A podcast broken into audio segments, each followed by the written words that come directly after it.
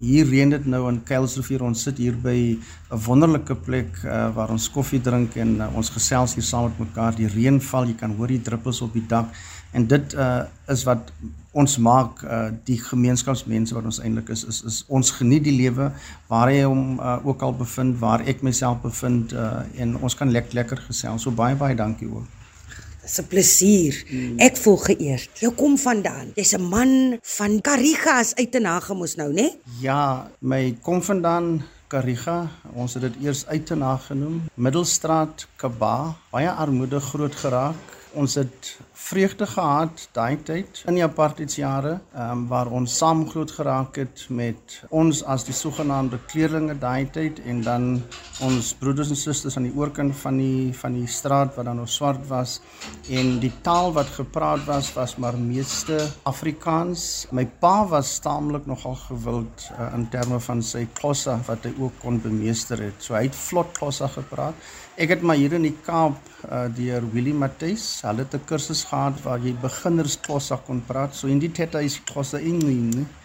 Ja, so klein bietjie, klein, klein bietjie. bietjie kan ek kom praat, ja.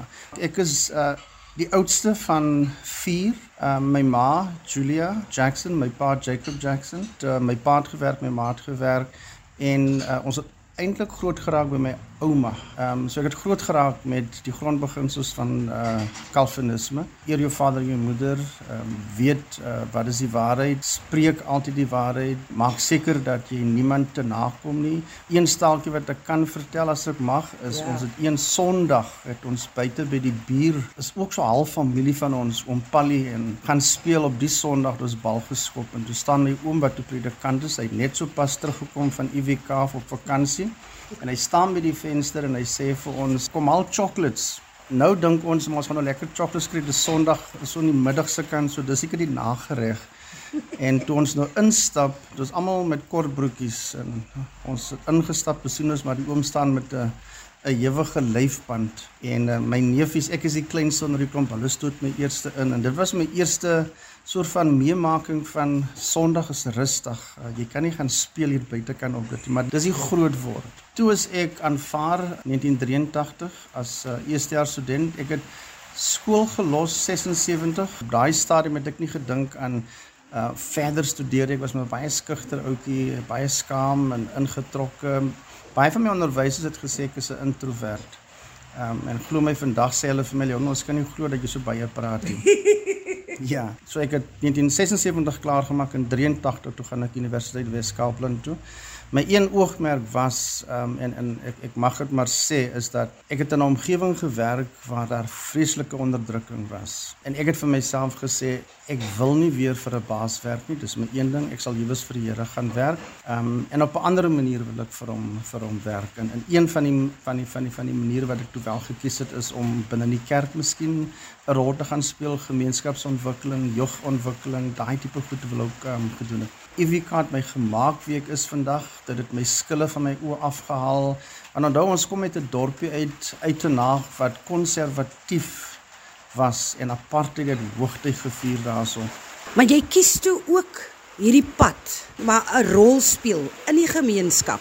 Kyk, um, ek dink almal van ons as jy na godsdienstige huis groot geword het, wil jy graag sien hoe jy jou rol verder kan vervul as jong mens tussen jong mense.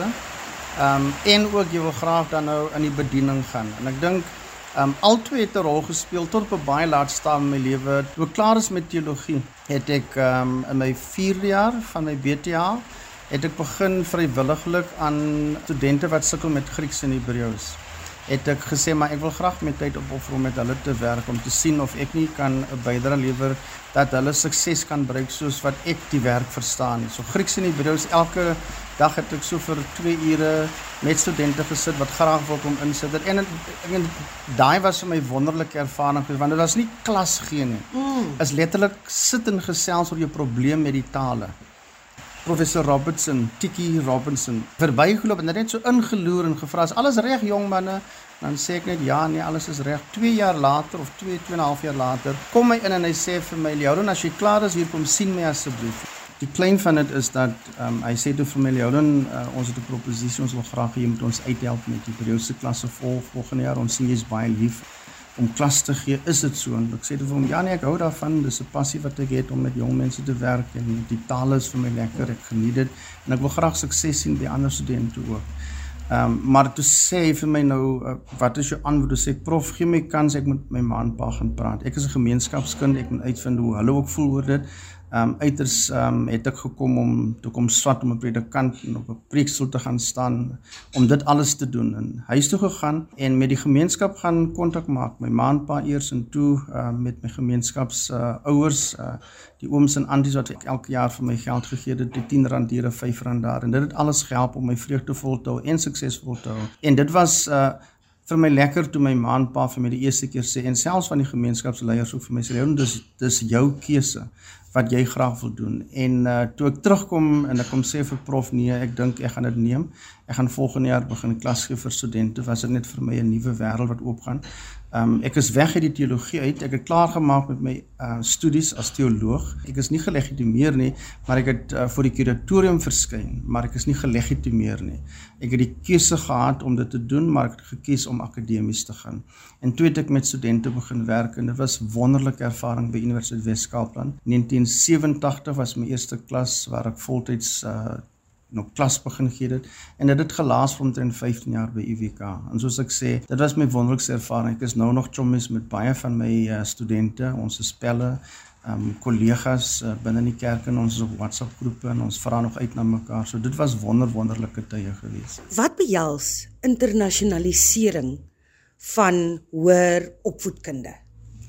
Ja, dit klink na 'n groot woord, maar is eintlik maar basies net om seker te maak dat die universiteit waar ek nou tans is, dis nou um Sentrale Universiteit vir Tegnologie in Vrystaat, om seker te maak dat ons ons navorsing wat ons doen, ons uh gemeenskapsontwikkelinge wat ons het, uh die manier hoe ons die studente opvoed, die opvoedingsmetodologieë, dat alles dit met internasionale kwaliteits faktore in ag geneem ook dat dit kan tred hou met wat gebeur internasionaal. Maar belangrik is is om seker te maak as ons met 'n spesifieke hoë profiel saak besig is of of 'n projek dat ons dan mense van oorsee kry, navorsers en hulle werk saam met ons uh, om seker te maak dat ons sekere probleme begin oplos, om seker te maak dat die tipe navorsing wat ons doen ook daai uh, volhoubaarheid kan gee aan die res van die wêreld. Sou ek kan sê nou, Leolin, dat jy absoluut is waar jy moet wees en jy werk steeds met jong mense. So jou hart moet sing. Weet jy, dit sing. Ek sê altyd vir my vir my kollegas in die kantoor, wonderlike mense met wie ek werk. Ek sê altyd vir hulle, my werk is my passie.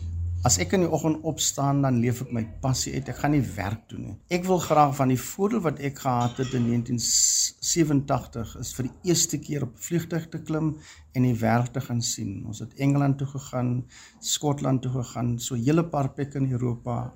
Ek het die wêreld anders begin kyk en onthou dis voor ons die nuwe bestel gehad het. So ons hierdie was nog diep in apartheid geweest. Maar nou het ek verstaan hoe ander mense vir ons sien en hoe hulle ons meet. Ehm um, so dit was vir my altyd lekker om te sien hoe jong mense die wêreld kyk en deur watter lens hulle kyk na ons en hoe ons die lens moet interpreteer. So belangrik jong mense, die jong mense ontwikkeling is vir my baie na in die hart en alles wat ons doen. Ons ons ons praat nou van die uitruil van studente, hmm. uitruil van uh van kollegas, uh, maar die beste deel vir my is is as ek 'n student geïdentifiseer het Ek sien dat hy of sy het kapasiteit om 'n leier te word in die gemeenskap. Ons identifiseer daai persoon, neem hom oor see en as hy daai persoon terugkom, kom hy persoon terug as groter as net 'n blote leier, maar ook 'n mentor vir ander um, studente wat op die universiteit ook dan is. Maar dit is my passie. Ek hou van internasionalisering. Ek eh, voorspoed met jou pad vorentoe. Ek hou van dit hoor as mense gelukkig is in hul professie. Nee. Nee, nee dis nie 'n werkie. Nee, dit is beslis nie 'n werk vir my nie. Ek het nog ek het nog so 'n paar jaar oor en uh, deel van my vorentoe is dat ek wil nog betrokke bly by internasionalisering want ek dink net daar's so baie wat moet gebeur. Jong mense op die oomblik wys die statistieke dat by universiteite in Suid-Afrika is maar net 1 of 2% van ons studente wat oor see kan gaan op grond van die geld wat ons het, die fondse wat beskikbaar is. Ek sal graag wil sien dat ons 'n bietjie meer moet maak om studente oor see te kry sodat hulle kan sien hoe die wêreld eintlik aan mekaar um vasgeplak is